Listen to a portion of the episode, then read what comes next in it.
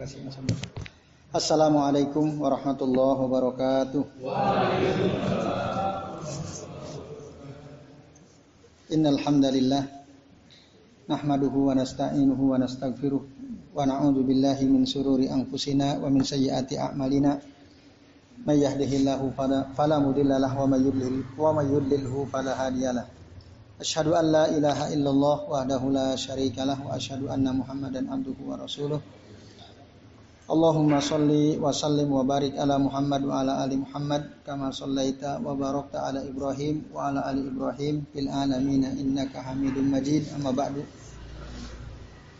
Teman-teman sekalian dan bapak-bapak azan ya Allah wa iyyakum ajmain semoga kita semua yang hadir di majelis ini senantiasa dimuliakan oleh Allah Subhanahu wa taala. Amin ya Allah ya rabbal alamin. Alhamdulillah pada malam hari ini kita bisa bertemu kembali tentu saja atas izin Allah ya, untuk bersama-sama ngaji kitab Fadlul Islam keutamaan Islam. Pada pertemuan yang lalu ya, kita sudah membahas satu judul yaitu tentang Fadlul Islam itu sendiri. Keutamaan Islam apa saja. Pada pertemuan kali ini kita akan memasuki bab yang kedua yaitu bab tentang wujubul Islam wajibnya berislam.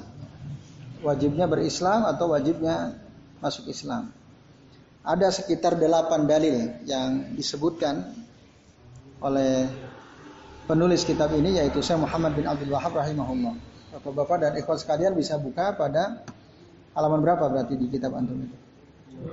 Halaman 12 ya. Baik, mari kita perhatikan. uh, sebelumnya dijelaskan tentang keutamaan Islam. Nah, apa saja yang akan didapatkan oleh mereka yang masuk ke dalam Islam. Pada bab ini akan dijelaskan bahwa tidak ada pilihan. Setiap orang itu wajib masuk masuk Islam. Jadi laisa duhul fihi duhulan ikhtiyarian bal yajibu ad-dukhulu fil Islam ala kulli ahadin ba'da bi'sati Rasulullah Muhammad sallallahu alaihi wasallam. Masuk Islam itu bukan pilihan. Walaupun mungkin sering orang bilang bukankah dalam Al-Qur'an dikatakan la ikroha fiddin, la ikroha fiddin. Qad tabayyana ar-rusdu minal ghai. Karena sudah jelas mana petunjuk, mana kesesatan. Udah jelas. Ya udah.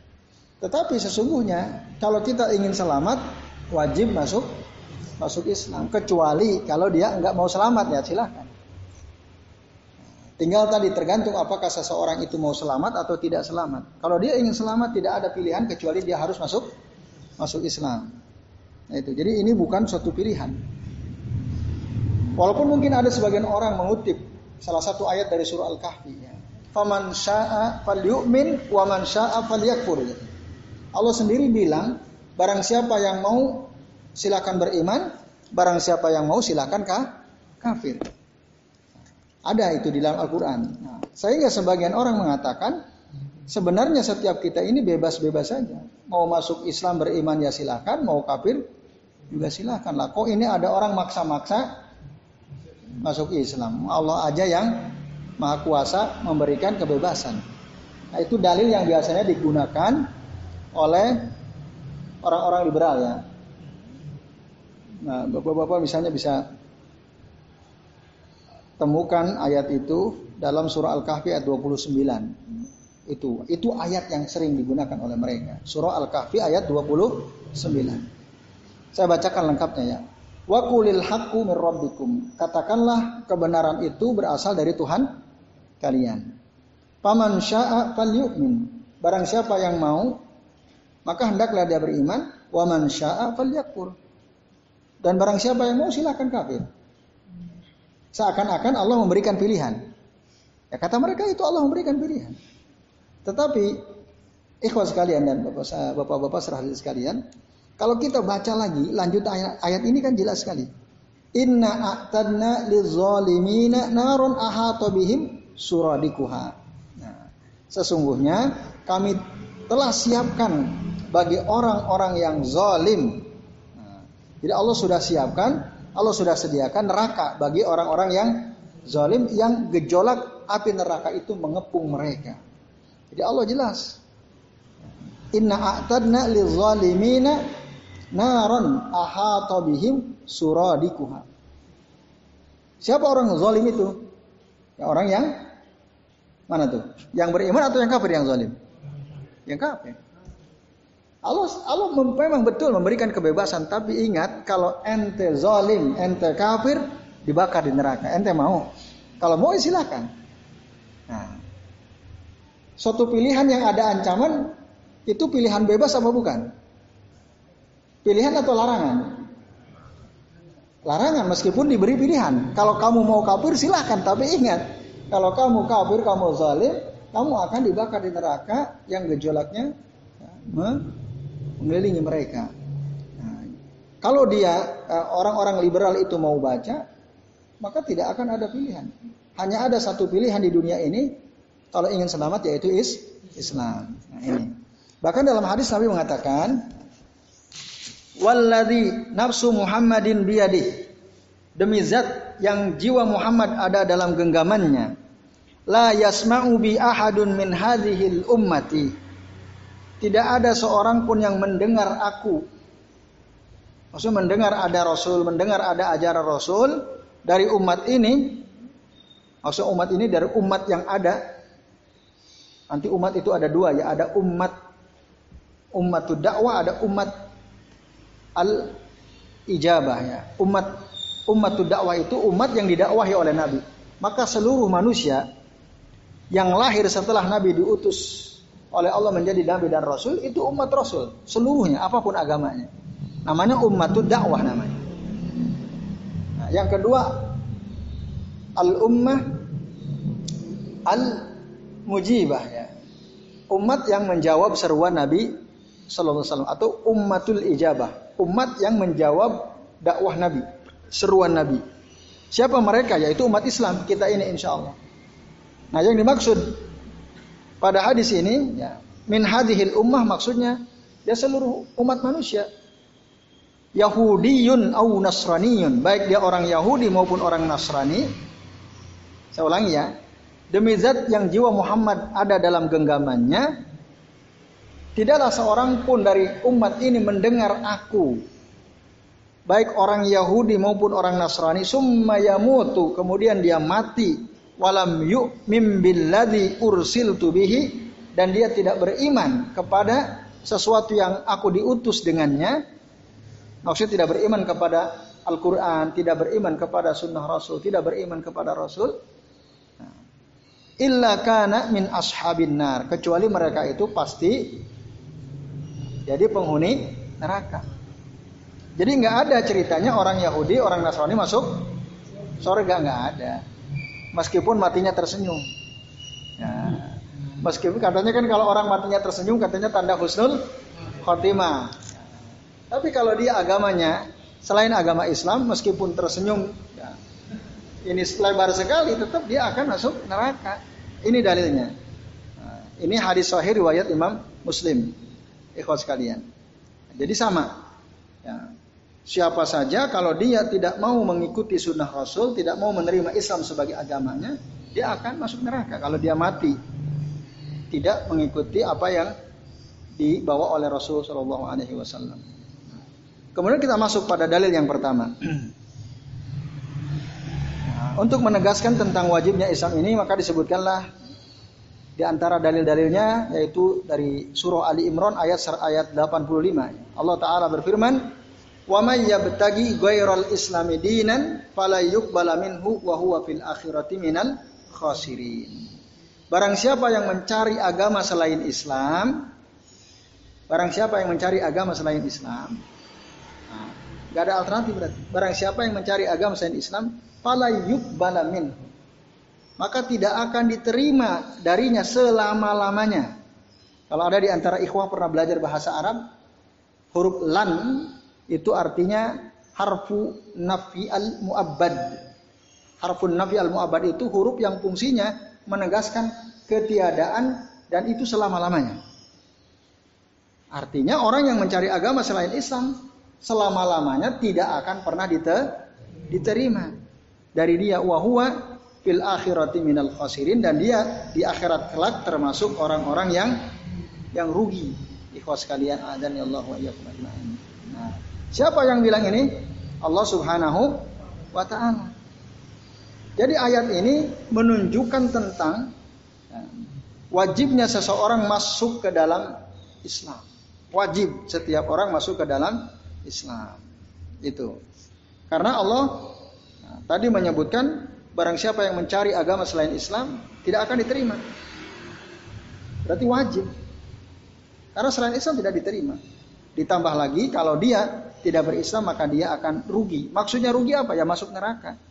Orang yang rugi yang dimaksud di sini dia akan masuk ke dalam neraka. Maka siapa saja yang menyembah Allah dengan cara Yahudi, dengan cara Nasrani, dengan cara Buddha, dengan cara Hindu atau Sobi'i ya. Oh dulu ada Majusi. Apa pun ya agama selain Islam maka semua mereka tidak akan diterima oleh Allah tidak akan diterima oleh Allah Subhanahu wa taala. Dan kata man di sini kata man kalau Bapak-bapak dari sekalian melingkari kata man, waman ya. Man di sini artinya amatun tasmalu jami'a ya, tasmalul jami'a zikron ya wa unsa hurran wa abdan arabian ajamian insanan ya, au insian au jinian masuk semua karena kata man ini umum. Baik laki-laki, perempuan, orang merdeka, hamba sahaya, orang Arab, orang non-Arab, manusia atau jin, kalau dia mencari selain Islam tidak akan diterima dari mereka. Nah, ini sekali lagi menunjukkan bahwa masuk ke dalam Islam itu hukumnya wa, wajib, ikhwas sekalian. Nah, atau makna khusus ya. Makna khususnya disebutkan Barang siapa yang beramal bukan dengan amalan yang diperintahkan oleh Allah dan Rasulnya, nah, karena ini adalah Islam. Islam itu isinya adalah ya, keyakinan, amal perbuatan, termasuk perkata, perkataan itu masuk semua.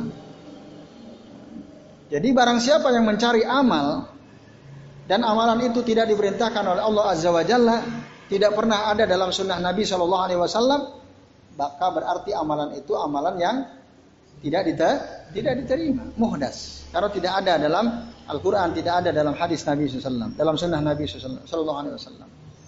Nah, baik itu ter, baik itu masalah akidah, ya. al akidah. Ya, seperti akidahnya orang Khawarij misalnya, akidahnya orang Sufi, akidahnya orang Murjiah, akidahnya orang Qadariyah, Jabariyah misalnya. Atau orang Mu'tazilah. Nah, ini semua apa yang mereka lakukan ada perkara-perkara baru yang tidak ada dalam Al-Quran maupun dalam Sunnah. Nah, misalnya orang Mu'tazilah punya akidah keyakinan bahwa nanti kelak di akhirat itu ada satu tempat. Ya, selain surga neraka itu ada satu tempat. Nah, apa? Ya itulah yang disebut oleh mereka al-manzilatu baina manzilatain. Satu tempat di antara Dua tempat antara surga neraka. Jadi kalau ada orang mati waktu kecil belum balik, nah, dia nggak masuk surga, nggak masuk neraka. Di mana tempatnya? Di manzilatun baina manzilatain. Nanti ada satu tempat antara surga dan neraka. Itu kata orang Mu'tazilah. Ada orang mati tapi dia gila. Apakah dia masuk surga? Enggak kata mereka. Masuk neraka? Tidak juga, orang gila. Lalu di mana? Ya di satu tempat, bukan surga, bukan neraka. Nah, ini akidah batil. Dalam Islam cuma dua. Kalau enggak masuk Islam ya masuk ya masuk neraka. Kalau anak kecil belum balik masuk Islam atau neraka? Ya masuk eh, masuk surga apa neraka?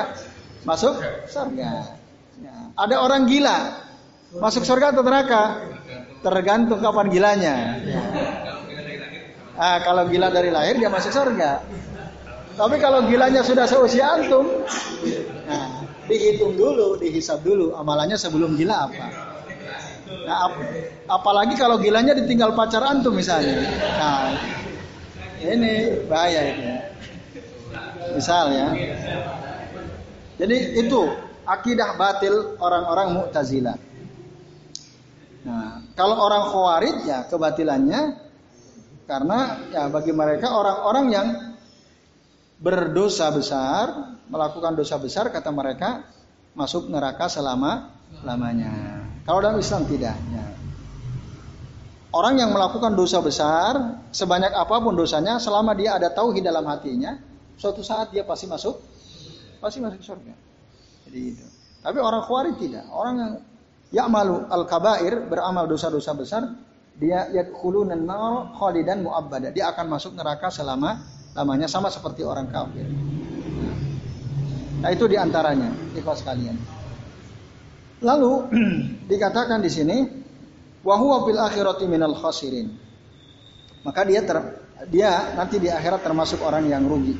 Nah khosarah kata rugi itu dalam ayat ini ya, disebutkan dalam kitab sarahnya yang berjudul I'lamul Anam. Ya. I'lamul Anam ini karya murid dari Syekh Saleh bin Fauzan. Beliau mengatakan kata khosarah kerugian itu itu ada dua macam. Ada khosaratun kubro yang pertama ada khosaratun subro. Apa itu khosaratun kubro? Khosaratun kubro artinya adalah dia rugi, ruginya rugi besar. Ya. Kenapa? Karena dia tidak akan masuk sorga dan dia masuk ke dalam neraka. Tidak akan masuk sorga, masuk ke dalam neraka. Selama-lamanya itu namanya khosaratun kubro. Maka semua, semua orang kafir itu mereka mendapatkan khosaratun kubro. Nah, setiap orang yang mencari agama selain Islam itu khosaratun kubro. Nah, tapi ada khosarah as-sugro ya, khosaratu sugro, khosaratun sugro. Apa yang dimaksud kerugian kecil? Rugi juga, tapi maksudnya kerugian kecil. Yaitu orang yang tidak masuk ke dalam sorga dari awal. Orang yang tidak masuk surga dari awal. Artinya apa? Dia diazab dulu. Dia diazab dulu. Biqadri ma indahu min mukhalafatin sesuai dengan kadar sebagaimana seberapa berat dia menyelisihi Al-Quran dan Sunnah. Dia Muslim, tapi apakah amal perbuatannya menyelisih Al-Quran dan Sunnah dan Sunnah atau tidak? Semakin dia sering menyelisihi Al-Quran dan Sunnah, maka semakin besar kerugiannya. Tapi selama dia sebagai muslim, nah, dia kalau dia menyimpang dari Quran Sunnah akan mendapatkan khosarah subro, kerugian yang kecil, maksudnya lebih kecil dibanding yang masuk neraka selama-lamanya. Oh itu besar sekali. Tapi orang muslim, karena dia banyak dosanya, banyak menyelisih Al-Quran dan Sunnah, akan dimasukkan ke dalam neraka dulu. Kelak nanti suatu saat ya, dengan syafaat dari Allah Azza wa Jalla dia akan diangkat dimasukkan ke dalam surga. Nah itu orang yang begitu itu sempat mengalami siksaan di dalam neraka dia mendapatkan khosaro juga. Tapi masuknya khosaro khosaro sub sugro. Nah ini bapak-bapak dan ikhwan sekalian azan ya Allah wa.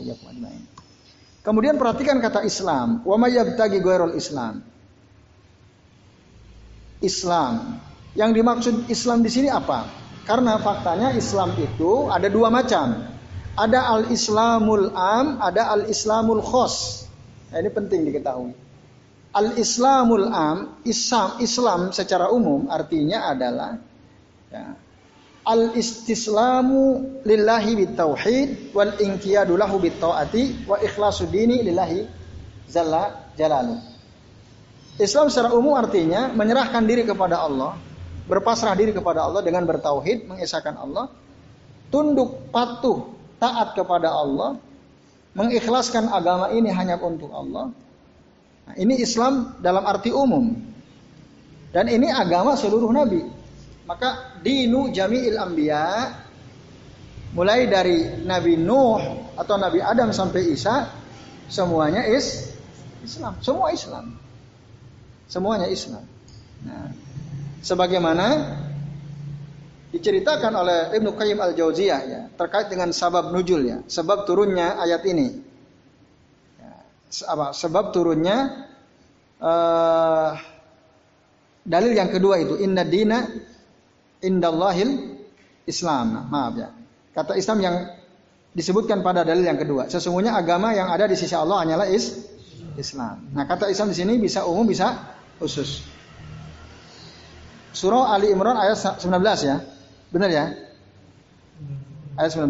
Nah, asbabun nuzulnya teman sekalian, sebab turunnya ayat ini dinukil oleh Ibnu Qayyim di dalam tafsir beliau diceritakan oleh Abdullah bin Abbas. Jadi waktu itu ya, waktu sebelum turunnya ayat ini ibtaharul musyrikuna biabaihim. Orang-orang musyrik itu bangga dengan agama nenek moyang mereka. Masing-masing bangga dengan agama nenek moyang mereka. Faqala kullu fariqin la dina illa dini illa dinu abaina. Tidak ada agama yang baik kecuali agama nenek moyang kami. Semua bilang begitu. Setiap kelompok bilang begitu. Nah, jadi nggak ada agama yang bagus kecuali agama nenek moyang kami. Nah, terus mereka melakukan hal itu lalu Allah mendustakan mereka. Lalu turunlah surah Ali Imran ayat 19 ini. Agama yang baik yang diterima di sisi Allah hanyalah Islam. Inna dina indallahil Islam. Nah, ini Bapak-bapak dan ikhwas sekalian. Jadi agama yang dibawa oleh Nabi Muhammad ini sesungguhnya juga adalah agama para para nabi sebelumnya dari awal sampai terakhir. Dan tidak ada agama yang diterima di sisi Allah kecuali ya Islam ini. Agama seluruh para nabi dan rasul. Itu makna Islam secara umum. Tetapi sebagian ulama mengatakan maksud inna dina indallahil Islam pada ayat ini maksudnya Islam dalam arti khusus. Yaitu al-Islamu al-khas. Apa maksud al-Islamu al-khas? Yaitu agama Islam yang dibawa oleh Rasul Muhammad wasallam setelah beliau diutus jadi nabi dan rasul. Nah, itulah agama Islam yang dimaksud pada ayat ini. Dan itulah agama yang hanya diterima oleh Allah Nah, selain itu tidak diterima oleh Allah Subhanahu Subhanahu wa taala. Artinya apa? Kalau ada orang sekarang masih beragama dengan agama Nabi sebelumnya, itu udah nggak diterima. Kalau kita ikuti makna Islam secara umum, kan semua Nabi Rasul itu Islam.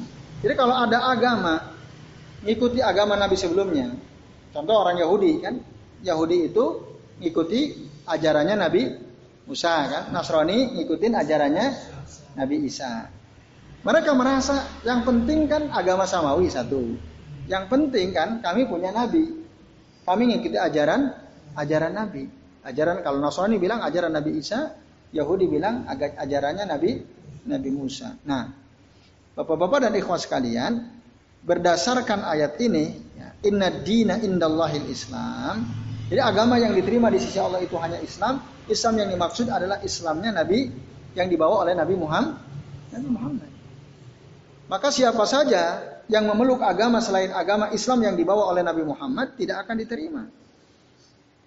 Tidak akan diterima. Karena seluruh syariat nabi-nabi dan rasul terdahulu itu mansuhoh. Dihapus ketika Allah mengutus Nabi Muhammad menjadi nabi dan dan rasul. Udah nggak ada lagi yang lain.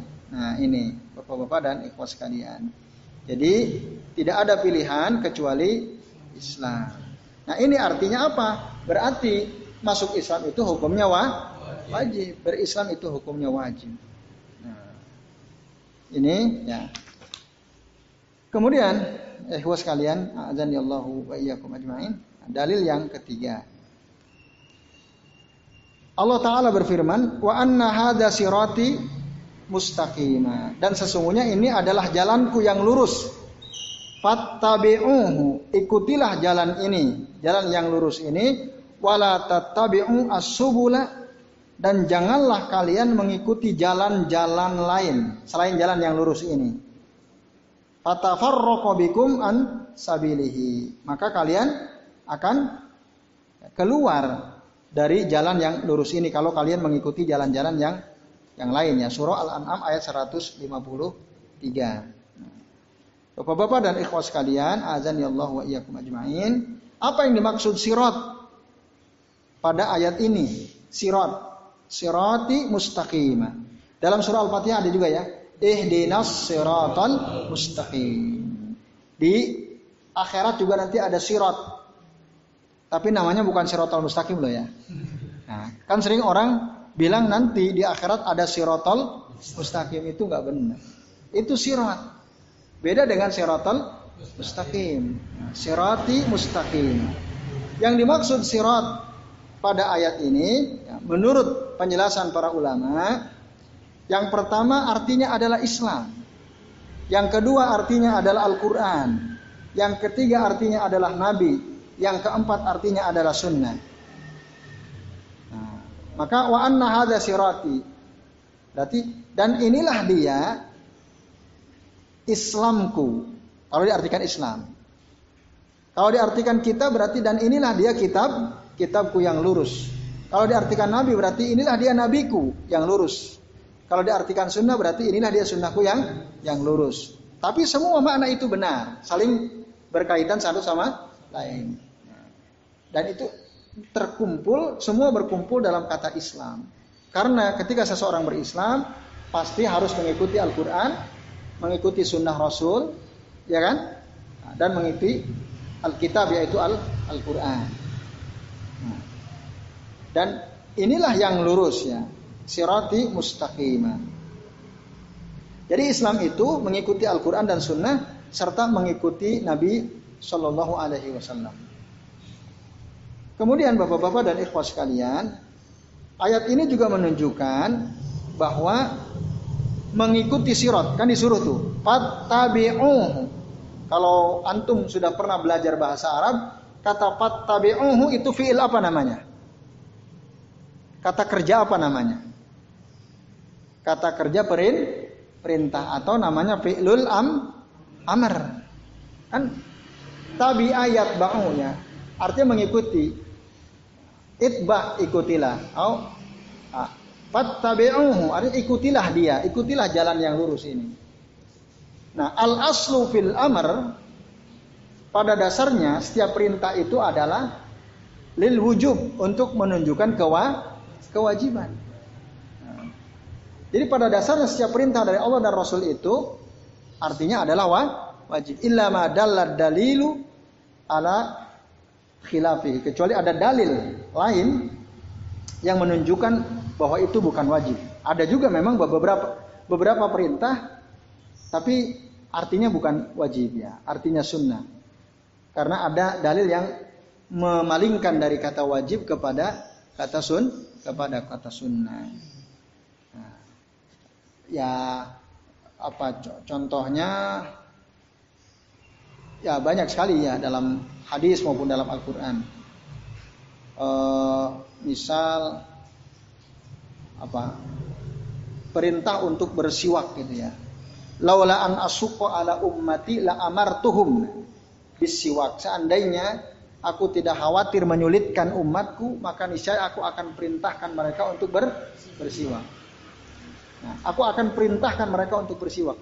Rasul akan menyuruh untuk bersiwak. Tapi ada kata-kata laulaan asuko. Itu jika tidak menyulitkan oh umatku. Tapi ternyata kan banyak yang kesulitan nyari siwaknya susah di mana gitu ya. Dan lain sebagainya.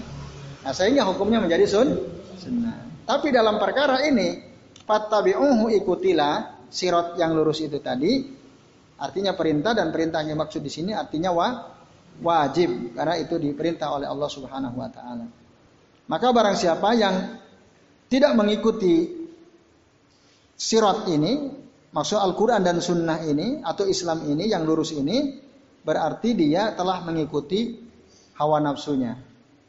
Berarti dia telah mengikuti syubhatnya, perkara yang samar. Berarti dia telah mengikuti bid'ah. Kalau dia tidak mengikuti jalan yang dimaksud pada ayat ini, Bapak-bapak dan ikhwas sekalian. Nah, maka Allah melarang pada ayat berikutnya, ya, wala tattabi'u as-subula maka janganlah kalian mengikuti jalan-jalan lain selain jalanku ini, fatafarraqu an sabilihi. Maka kalian kelak nanti akan berpaling dari dari jalan Allah. Ini uh, ikhwas sekalian. Oleh karenanya, maka kita ikutilah jalan Islam ikutilah Quran dan Sunnah dan tinggalkanlah jalan-jalan selain yang sesuai dengan Quran Sunnah, jalan-jalan selain jalan Islam itu ditinggalkan karena itu adalah bid'ah, karena itu adalah penyimpangan. Maka siapa saja yang tidak mengikuti jalan Islam, tidak mengikuti Quran Sunnah, dia sudah menyimpang. Dan kulluhat tuaddi ilal halak. Semua itu, semua jalan selain Islam itu akan menyebabkan kebinasaan. Nah, maka barang siapa yang mau selamat, berjalanlah di atas jalan yang lurus yaitu is Islam. Tapi tidak hanya Islam saja, ini bahaya juga kan saya sudah muslim. Nah kalau Islam itu syaratnya kan harus mengikuti Quran, harus mengikuti sunnah. Karena dasar dari Islam itu ya Quran sunnah. Kalau ada orang mengaku saya juga kan muslim. Nah, karena saya juga ada seorang muslim, maka saya pasti selamat. Belum tentu. Ya. Belum tentu setiap muslim saya selamat. Tinggal tergantung dia apakah mengikuti Al-Quran dan sunnah atau tidak. Kalau tidak, walaupun dia seorang muslim, KTP-nya muslim, Nah, dia tidak akan selamat. Muslim tapi ke mana-mana nggak pakai jilbab misalnya. Ya, Muslim ke mana-mana pakaiannya ketat mini misalnya. Nah, itu tidak akan selamat. Ya, orang yang Muslim tapi seperti itu. Nah, atau ya kita bisa kembangkan. Laki-laki berat dia Muslim tapi larangan-larangan syariat dia tabrak, gitu ya. Itu ya tidak akan selamat karena dia tidak mengikuti Quran Sunnah. Atau Mungkin ada orang muslim kelihatannya soleh banget. Ke mana-mana pakai peci, pakai sarung. Wah setiap orang pasti banyak ini ada alim sekali orang. Ini orang soleh sekali. Nah, tapi sehari-hari ya dia kalau ada masalah datangnya ke kuburan misalnya. Ketika bingung ya, ya bimbang supaya tenang datang ke kuburan. Kelihatannya soleh, pecinya nempel terus, sarungnya nempel terus gitu ya. Nah orang yang seperti itu Nah, ketika ada masalah mintanya, berdoanya, minta syafaatnya ke kuburan orang soleh menurut dia. Nah, maka yang seperti itu juga tidak akan selamat karena itu bukan jalan yang diajarkan Nabi Shallallahu Alaihi Wasallam. Nah, ini bapak-bapak dan ikhwas sekalian. Nah, maka lihat penjelasan dari Mujahid. Mujahid ini seorang ulama tabiin, murid dari Abdullah bin Abbas. Tinggal di Makkah. Jadi sahabat itu punya murid. Nah, di antara ulama besar namanya Mujahid. Mujahid ini murid dari Abdullah bin Abbas radhiyallahu anhu. Beliau memaknai kata sirat, eh, kata subul afwan, kata subul dalam surah Al-An'am ayat 153, kata beliau adalah al-bid'u wasyubuhat. Bid'ah atau syubhat. Nah, ini ya, riwayat yang disebutkan oleh Ibnu Jarir At-Tabari dalam tafsir At-Tabari makna subul menurut Mujahid. Mujahid seorang ulama tabi'in. Artinya apa? Kita jangan mengikuti bid bid'ah bid'ah. Karena kalau kita mengikuti bid'ah bid'ah dalam agama itu adalah kesesatan. Lalu dikatakan di sini manusia ya tibai asubul alal fariqain. Tadi udah jelas ya, jadi jalan itu ada dua. Ada jalan lurus itu hanya satu, sirati mustaqimah fattabi'uhu. Satu. Yang kedua jalan-jalan, ada banyak pilihan. A, B, C, D dan seterusnya. Nah, manusia di dalam mengikuti jalan-jalan selain Islam ini ada dua macam. Nah, disebutkan dalam kitab Ilamul Anam ini. Yang pertama, ada orang yang mengikuti jalan selain jalan Islam, ya, secara menyeluruh Artinya kehidupannya itu betul-betul dia bukan jalan Islam, bukan jalan yang lurus ya, dia ikuti, tapi jalan-jalan selain jalan Islam. Ya mungkin Yahudi, mungkin Nasrani, mungkin Buddha, mungkin ya apa Hindu ya kalau di kita. Jadi dia betul-betul meninggalkan jalan Islam. Nah, pahada kafirun. Maka orang seperti ini kan kafir atau bahasa halusnya non muslim gitu ya.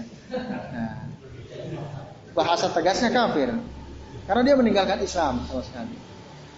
Yang kedua, ada orang yang asalnya dia Islam asalnya, asluhu musliman. Tapi dalam kehidupannya dia mengikuti bid'ah dan hawa nafsunya. Nah, perbuatan bid'ah itu kadang-kadang menyebabkan seseorang keluar dari Islam. Ya, mukhrijun anil millati kadang-kadang ya, perbuatan bid'ah itu kadang-kadang tidak mengeluarkan pelakunya keluar dari Islam, tapi mengurangi keimanannya meskipun dia tetap dalam keadaan sebagai muslim. Tapi ada perbuatan bid'ah yang apabila dilakukan dia menjadi kafir karenanya. Nah, ini. Uh, ikhwas kalian azan ya Allah wa iyyakum ajmain. Misalnya apa? Bid'ah yang menyebabkan seseorang keluar dari Islam. Misalnya ada orang mengatakan Allah itu tidak tunggal. Allah itu ada dua misalnya. Nah, misal ya, kalau ada orang berani mengatakan itu, nah jelas mengeluarkan dirinya dari dari Islam. Nabi terakhir itu bukan Muhammad. Tapi siapa? Ada nabi lagi katanya ya. Nah, misalnya. Nah, orang yang begitu berarti yakhruju minal millah. Atau kebid'ahnya itu mukhrijatun anil millah, mengeluarkan dirinya dari keislaman. Maka berkatalah Syekh Saleh Al-Fauzan hafizahullah hafizahullah taala memberikan catatan kepada apa yang dikatakan oleh Imam Mujahid ini. Nah, kata beliau, bid'ah dan subhat yang dimaksud adalah bid'ah dan subhat yang menyebabkan para pelakunya keluar ya, menyimpang dari jalan yang lurus. Mereka kelompok-kelompok yang bangga dengan apa yang ada dalam kelompok mereka, masing-masing bangga dengan kebatilan mereka masing-masing. Ada nggak tuh orang suka melakukan perbuatan bid'ah dan dia bangga dengan bid'ahnya? Ada nggak? Ya itu. Banyak yang seperti itu. Nah, berarti orang yang begitu itu sudah ngikuti subul. Padahal Allah bilang wala tattabi'u ya as-subula. Janganlah kalian mengikuti jalan-jalan itu. Nah, ini dan bahayanya seperti yang pernah saya jelaskan dalam kajian kitab Masail Jahiliyah ya. Jadi orang yang bangga dengan kebatilannya ya akan menyimpang terus, sesat terus. Susah kembalinya. Karena dia bangga dengan kebatilannya. Nah, itu Nah, lalu kemudian Dalil ketiga. Ada dua dalil sama ini ya.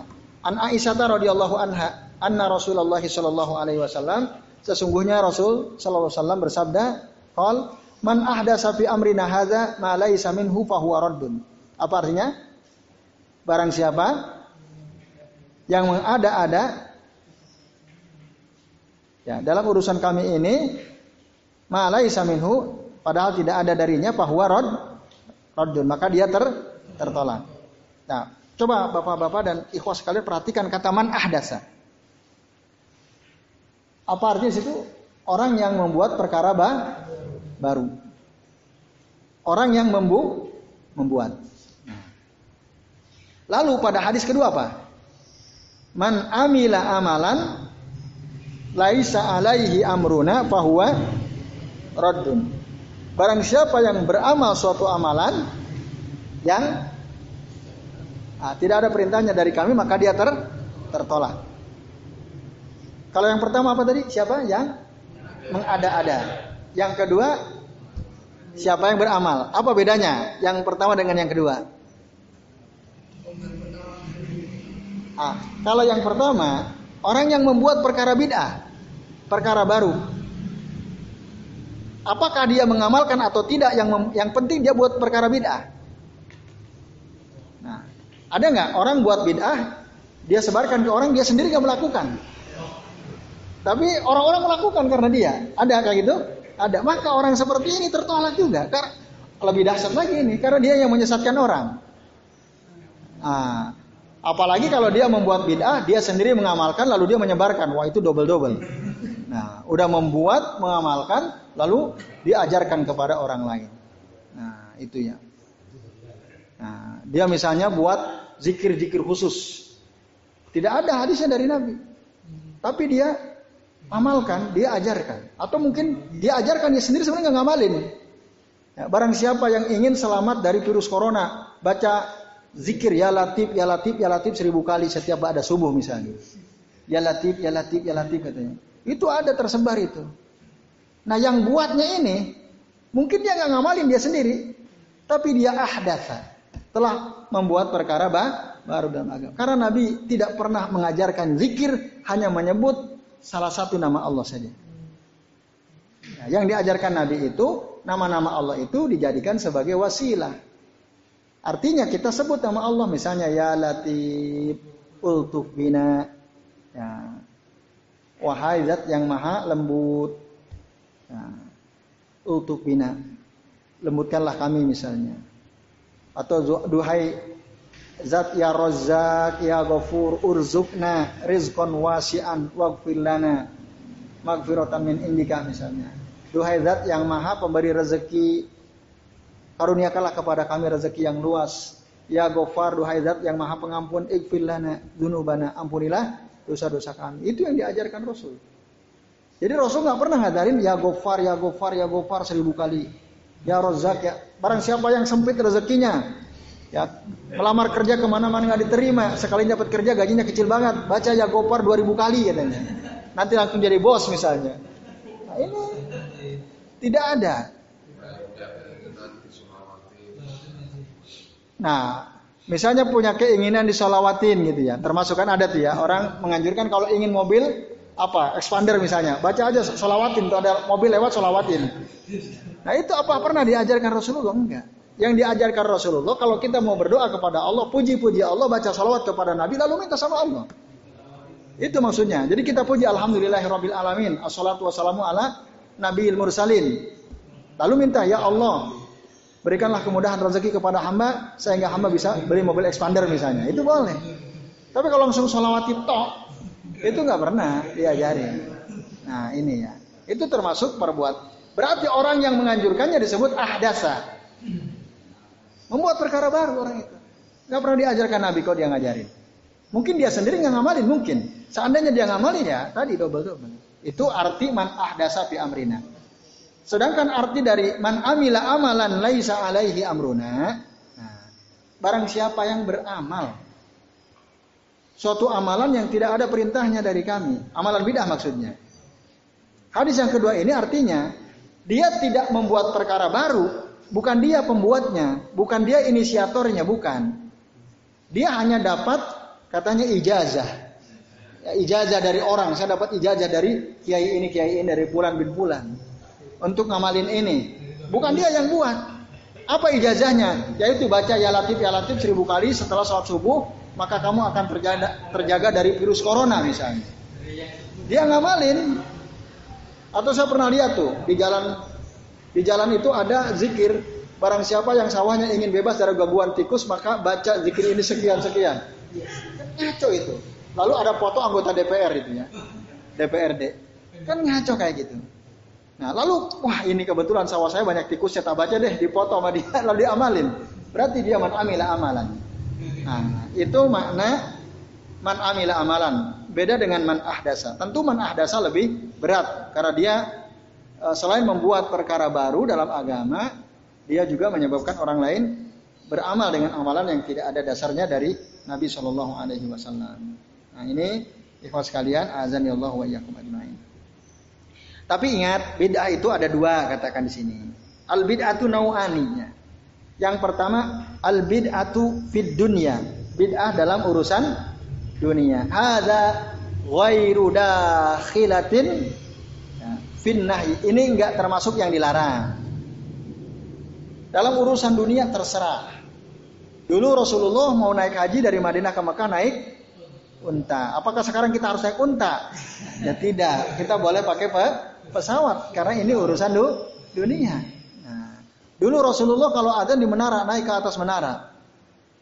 Nah, apakah kita harus begitu juga sekarang? Tidak. Kalau pakai speaker udah lebih terdengar kencang jauh ke mana-mana, cukup nggak usah naik ke menara misalnya.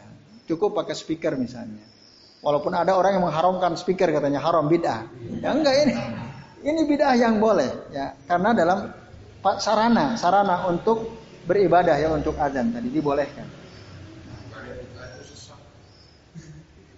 Ya, kullu bid'atin dhalalah wa kullu dhalalatin finnar. Setiap bid'ah itu sesat dan setiap kesesatan itu ada dalam neraka. Maksudnya bid'ah dalam agama, dalam agama. Bukan mana dalil kalau dalam bid'ah, bid'ah dalam dunia dibolehkan?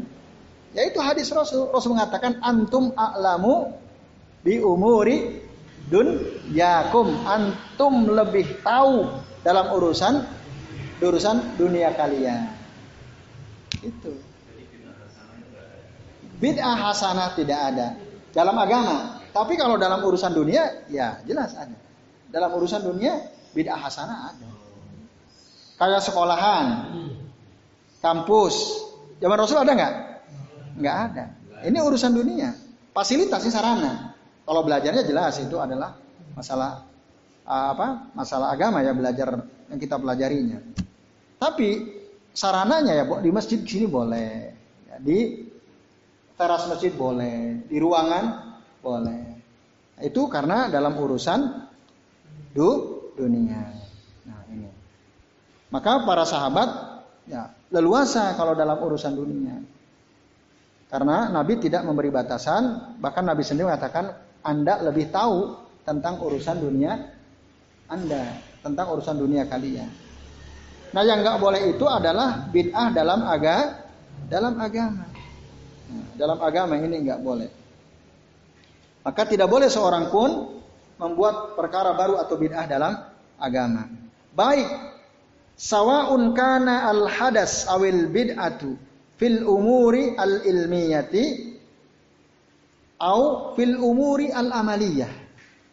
Sama saja, kalau dalam urusan agama apakah bid'ah yang bersifat ilmiah, bid'ah ilmiah itu maksud bid'ah i'tiqadiyah. I'tiqad itu keyakinan. Itu nggak boleh. Atau bid'ah dalam urusan amaliyah. Amal itu amal perbuatan termasuk ucapan. Itu maksudnya kategori bid'ah amaliyah atau kauliyah. Ada bid'ah ilmiah atau i'tiqadiyah. Kalau dalam urusan agama nggak ada yang boleh. Haram dan itu yang sesat itu ya yang masuk ke dalam neraka. Apa yang dimaksud bid'ah dalam perkara i'tiqadiyah? Ya tadi ada orang meyakini ada satu tempat selain surga dan neraka itu contoh. Nah, ada orang yang menolak bahwa Allah itu ya ada tapi tidak punya tempat katanya. Allah wujud bila makan kan ada ya orang bilang begitu Allah wujud bila makan Allah ada tapi nggak punya tem tempat. Nah, ini kan keyakinan. Padahal Allah sendiri bilang Allah beristiwa di atas aras misalnya. Nah ini ini bid'ah itiqadiyah. Bid'ah dalam keyakinan. Ini nggak boleh dalam agama. Atau amalia, amalia itu ya zikir-zikir tertentu yang dibuat-buat tadi contohnya sudah saya sampaikan. Atau amalan-amalan khusus, sholat seribu rakaat setiap bulan tertentu, hari tertentu, ada kan begitu ya. Terus nah, misalnya ada apa itu rebo wekasan gitu ya. Kan ada ya amalan khusus di malam rebo wekasan. Terus apa lagi? amalan khusus di Maulid Nabi misalnya ya, di Robiul Awal, bulan Robiul Awal misalnya. Dan banyak lagi yang dibuat-buat oleh orang acara-acara ritual-ritual agama yang dilakukan pada bulan-bulan tertentu, waktu-waktu tertentu padahal tidak ada dah dasarnya dari Nabi. Nah, itu bid'ah yang muharramah, haram. Itulah yang dolal ya. Wa kullu dolalatin binar. Dan setiap kesesatan ada dalam neraka. Bapak-bapak dan ikhwan sekalian, azan ya Allah wa iyyakum ajmain. Lalu apa sih pengertian bid'ah itu? Kalau antum ditanya, menurut panjenengan apa itu bid'ah? Apa jawabnya tuh? Apa tuh kira-kira jawabannya? Ada orang nanya, apa itu bid'ah? Apa jawabannya? Jangan-jangan kita sering nyebut kata ini, sering mendengar kata ini, pas ditanya orang, mbah orang ngerti aku, sementing bid'ah itu sesat misalnya. Apa itu bid'ah? yang antum ketahui? Perkara-perkara baru yang tidak ada dalilnya, terus apa lagi? Nah, ini masih umum nih. Ini masih umum kata-kata perkara-perkara baru yang nggak ada contohnya, yang nggak ada dalilnya. Masih umum. Maka harus sangat spesifik ya. Jadi bid'ah itu adalah kullu ya, a'malin wa akwalin. Setiap amal perbuatan dan setiap ucapan yataqarrabu bihal abdu ilallah. Yang dengan amalan serta ucapan itu seseorang mendek, berniat mendekatkan dirinya kepada kepada Allah. Saya ulangi ya. Jadi pengertian bid'ah itu adalah setiap amal perbuatan atau ucapan yang dengannya seseorang berusaha mendekatkan dirinya kepada Allah. Wayarju minhu as-sawab. Lalu berharap dapat pahala dari Allah. Berharap dapat pahala dari dari Allah. Ah. Belum selesai. Tetap walam yaf'alhu an-nabiyyu sallallahu alaihi wasallam. Tapi Nabi tidak pernah malah melaku melakukannya.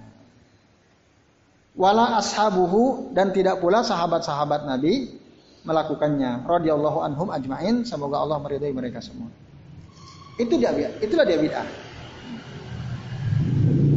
Jelas ya, bid'ah itu. Jadi apa tadi bid'ah ininya pengertiannya? Setiap amal perbuatan atau ucapan yang dengannya seseorang berusaha mendekatkan dirinya kepada Allah dan berharap mendapatkan pahala dari Allah. Tetapi atau padahal Rasulullah dan para sahabat tidak pernah melakukan tidak pernah melakukannya. Itulah bid'ah. Ah iya. Iya kan ada tuh waktu rebok wekasan kemarin ya. Akhir hari Rabu akhir bulan Sofar itu kan rebok wekasan. Di share lah oleh orang-orang Dulu ada Kiai Pulan bin Pulan di pesantrennya, ya Kiai besar lah, ya, disebutkan. Setiap malam Rabu akhir bulan Sopar, malam Rabu akhir bulan Sopar, Rabu Kasan, beliau bersama santri-santrinya selalu rutin mengadakan sholat hajat katanya. Supaya apa? Untuk menolak ba, bala katanya. Maka amalkanlah. Nah, itu. Dasarnya apa? Dasarnya amalan seseorang. Ya, amalan seseorang, seorang kiai dan para santrinya. Padahal nggak ada tuntunannya dari Al-Quran maupun Sunnah. Tapi dia nyuruh supaya kita mengamalkan agar negeri ini ya, tidak ada bala, ada tidak ada bencana di negeri ini. Untuk menolak bencana dari negeri ini. Nah ini ikhwas kalian adalah kebatilan. Inilah dia bid'ah. Kalau ditanya kenapa kamu sholat hajat di akhir malam Rabu bulan Safar atau Rabu Wakasan. Nah, karena nah, satu mungkin dia ingin mendekatkan diri kepada Allah, dia ingin dapat pahala, dia ingin supaya bencana dijauhkan dari negeri ini. Karena ngikutin Kiai Pulan bin Pulan itu.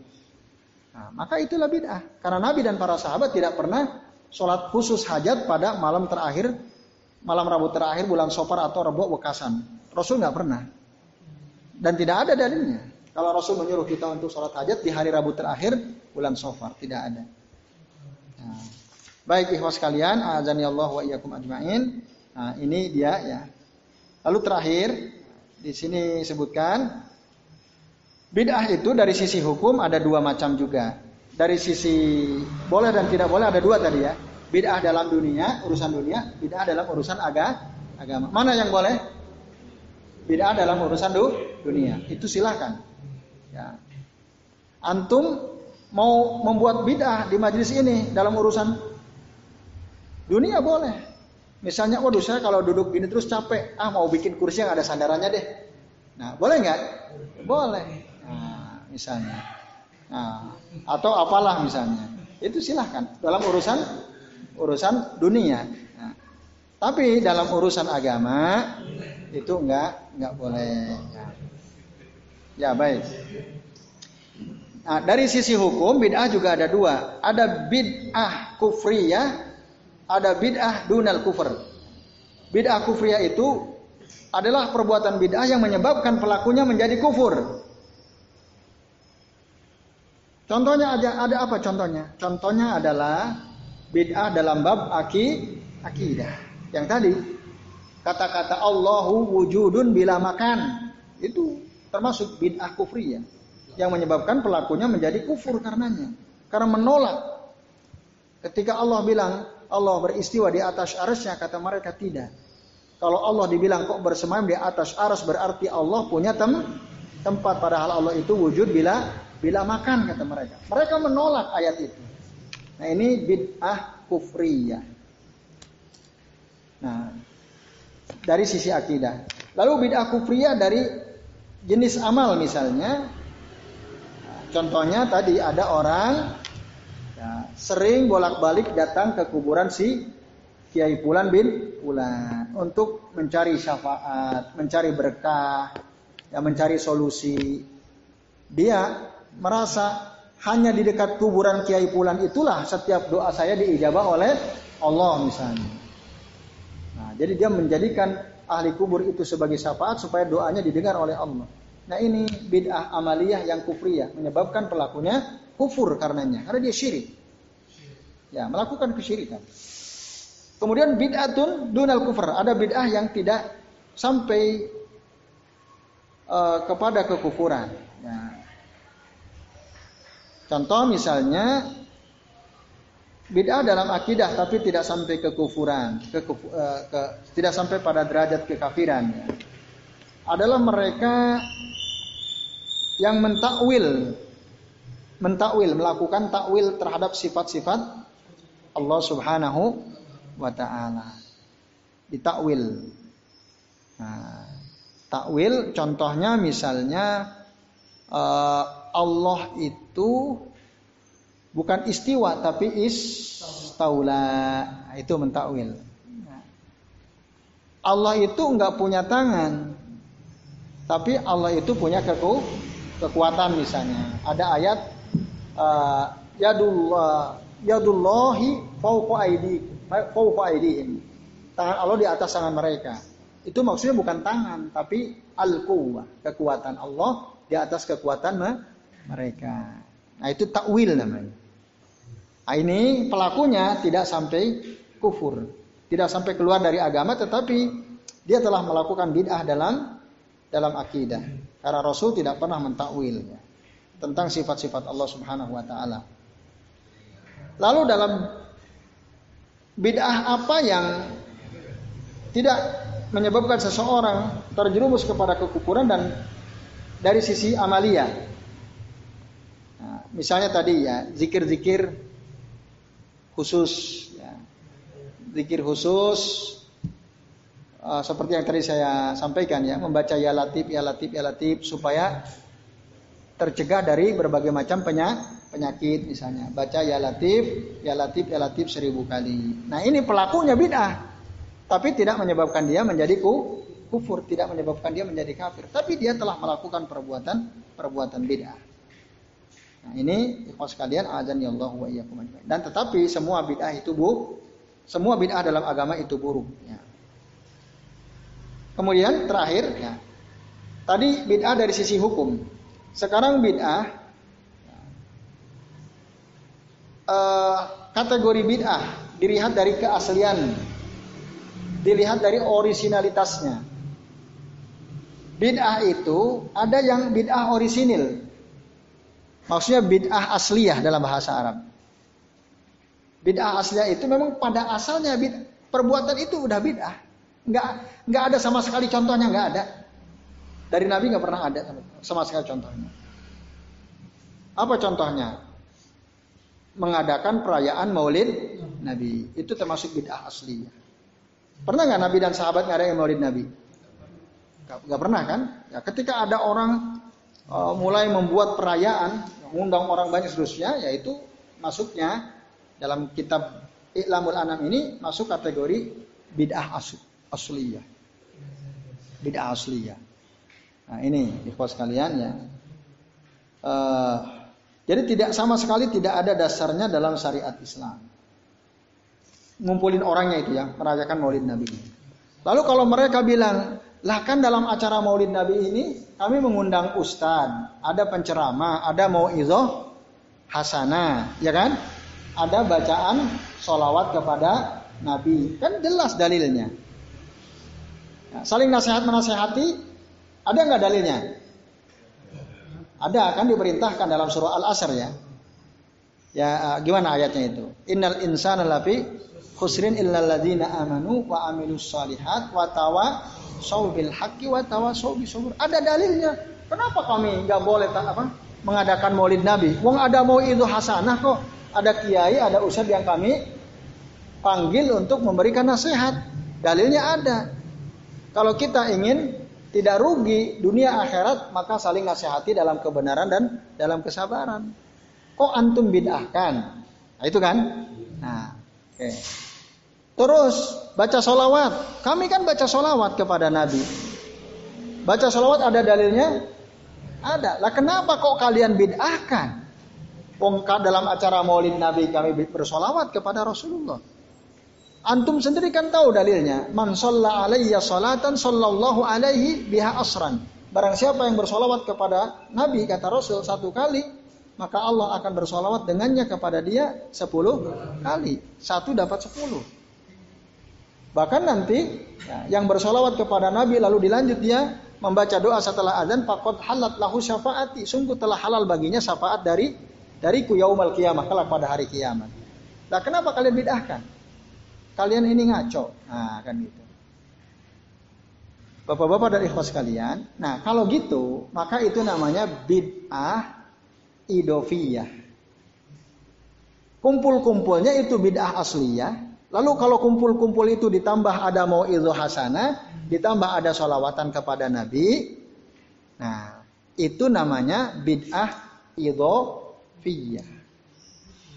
Nah, solawatan apalagi sambil pakai musik gitu ya, sambil joget-joget. Nah, pakai musik dan joget-jogetnya itu itu bid'ah asli ya. Tapi kalau solawatannya bid'ah kan ada solawatannya. Itu bid'ah idofi. Apa itu bid'ah idofi ya? Bid'ah idofi itu saya tanya lagi. Kalau bid'ah asli apa tadi? Sama sekali tidak ada dasarnya dari syariat. Kumpul-kumpul waktu hari kelahiran Nabi ada nggak? Nggak ada kan? Dalilnya sama sekali nggak ada. Joget-joget sampai salawatan ada nggak? Nggak ada. Diiringi musik sambil nyanyi-nyanyi ada nggak? Nggak ada. Itu asli. Itu bid'ah asli. Nah bid'ah idofiyah itu hukum asalnya ada dalilnya. Salawat kepada Nabi ada dalilnya. Lalu mau itu hasanah tadi ada dah dalilnya. Kan ini orang rame nih ya. Maulid Nabi tanggal berapa Rabiul Awal sekarang? Tanggal 4 ya. Kan sebentar lagi tanggal 12 Rabiul Awal. Jadi orang udah banyak sekarang nge-share tentang pentingnya maulid Nabi misalnya.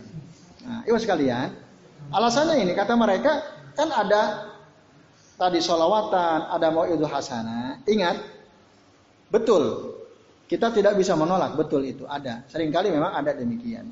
Tetapi nah, mereka menggabungkan suatu amalan yang ada dasarnya dengan amalan yang tidak ada dah dasarnya. Lalu mereka berharap dengan amalan gabungan itu berharap dapat pahala dari Allah. Mereka berusaha untuk mendekatkan dirinya kepada Allah. Tapi menggabung, digabung antara amalan yang ada dalilnya, yang ada dasarnya dengan amalan yang tidak ada dah dasarnya. Nah, itu namanya bid'ah idofiyah. Menambahkan suatu amalan yang ada dasarnya kepada amalan yang tidak ada dah dasarnya. Dicampur jadilah jadi amalan khusus.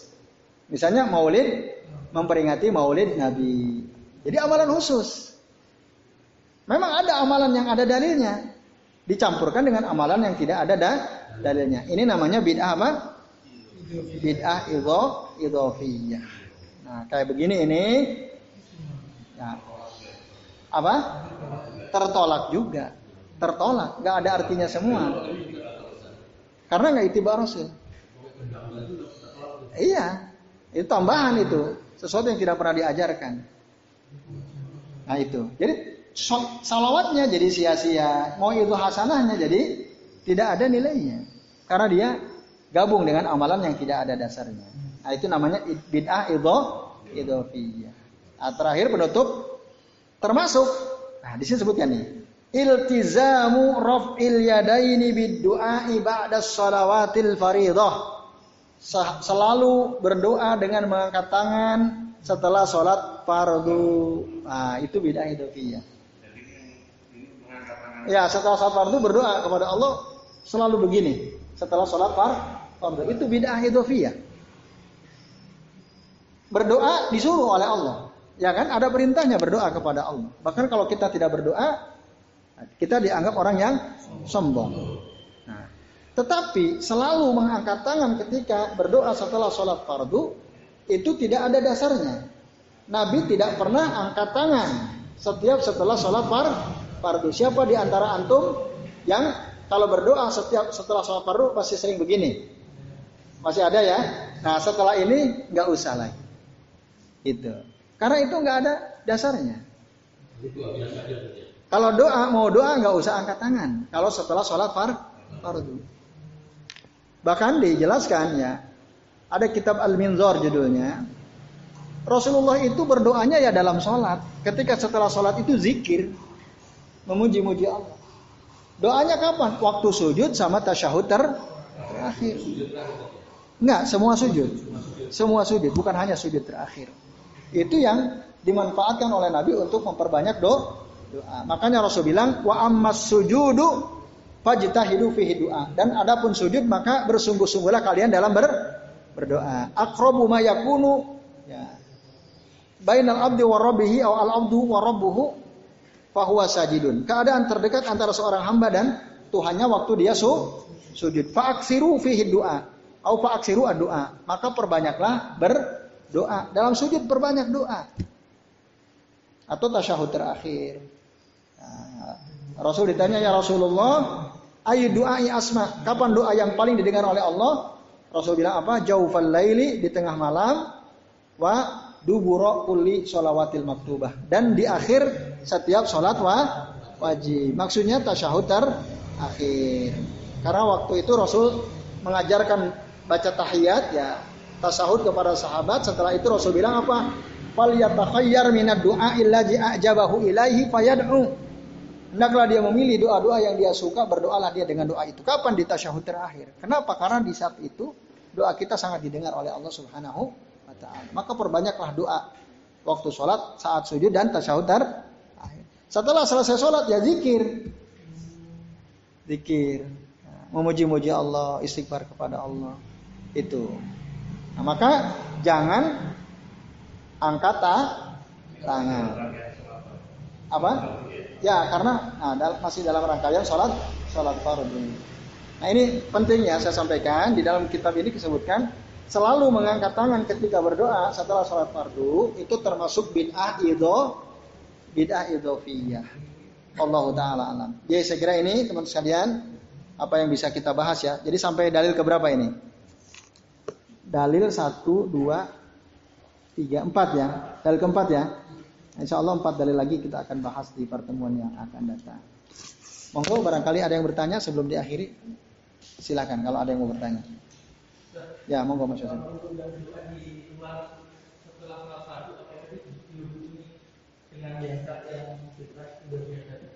Berdoa angkat tangan di luar sholat. Jumatan sholat fardu bukan? Jumatan. Hah? Ya, Jumat sholat fardu kan? Ah, Jumat sholat fardu. Di mana? Oh pas khut saat pas khutbah khutbah keberapa? Ah, ya khutbah kedua ya termasuk ini beda idofia. Makmumnya nggak boleh begini, imamnya juga nggak begini.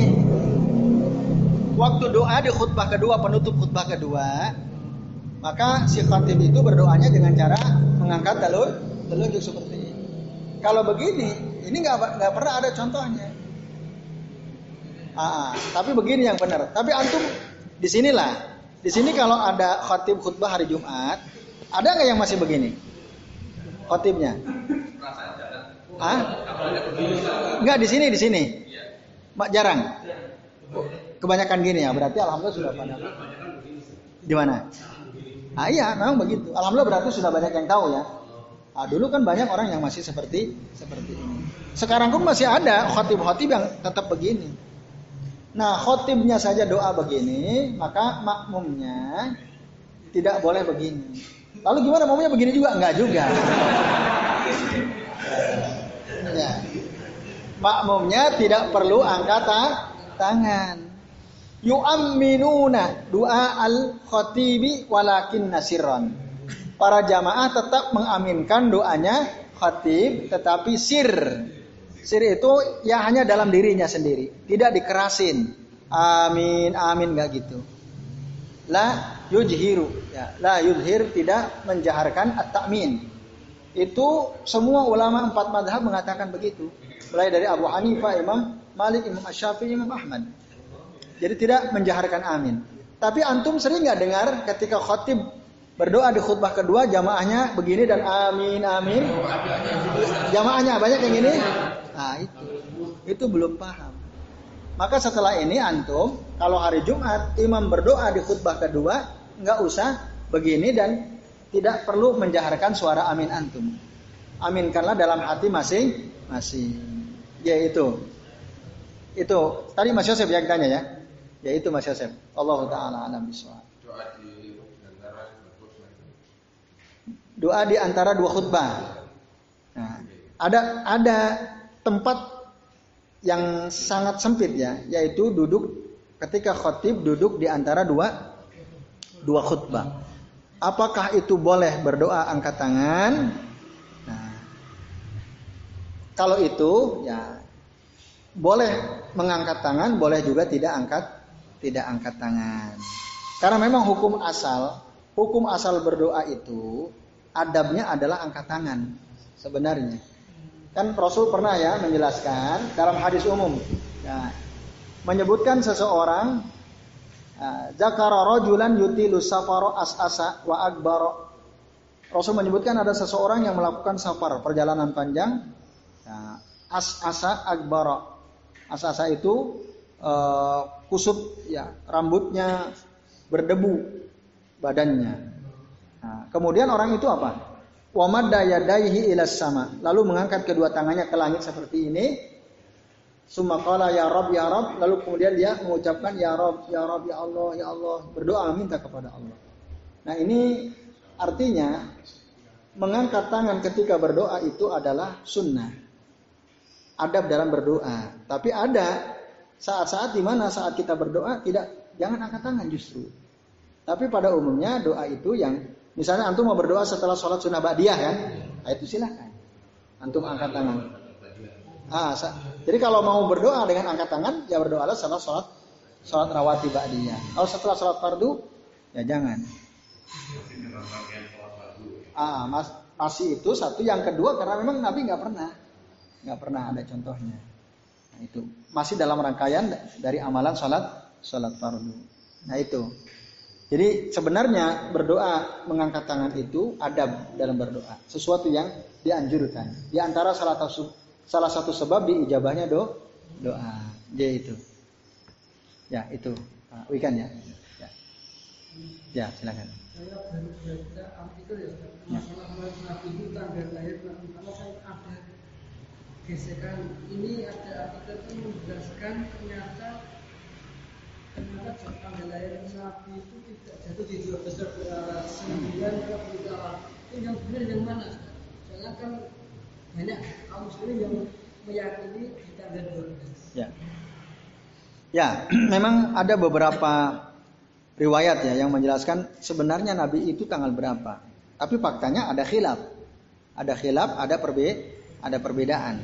Tidak seragam gitu ya. Ada yang mengatakan tanggal 12, ada yang mengatakan tanggal tanggal 9. Nah, dilihat dari sisi ininya saja sebenarnya sudah tidak ya tidak dianjurkan ngapain ngadain perayaan Maulid Nabi. Wong tanggalnya aja orang tidak sepakat kok. Gitu. Jangan-jangan sebenarnya tanggal 9 yang benar bukan tanggal 12 kan? Nah, itu. Ya itu. Itu. Itu kan di antara kritik ya yang disampaikan bahwa sebenarnya uh, hari kelahiran Nabi itu bukan tanggal 12 tapi tanggal 9 gitu ya. Allah taala alam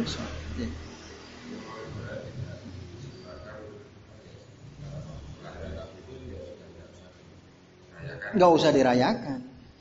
Ya, nggak usah dirayakan. Ngapain? Oh nggak ada contohnya kan? Itu ya itu itu termasuk bid bid'ah.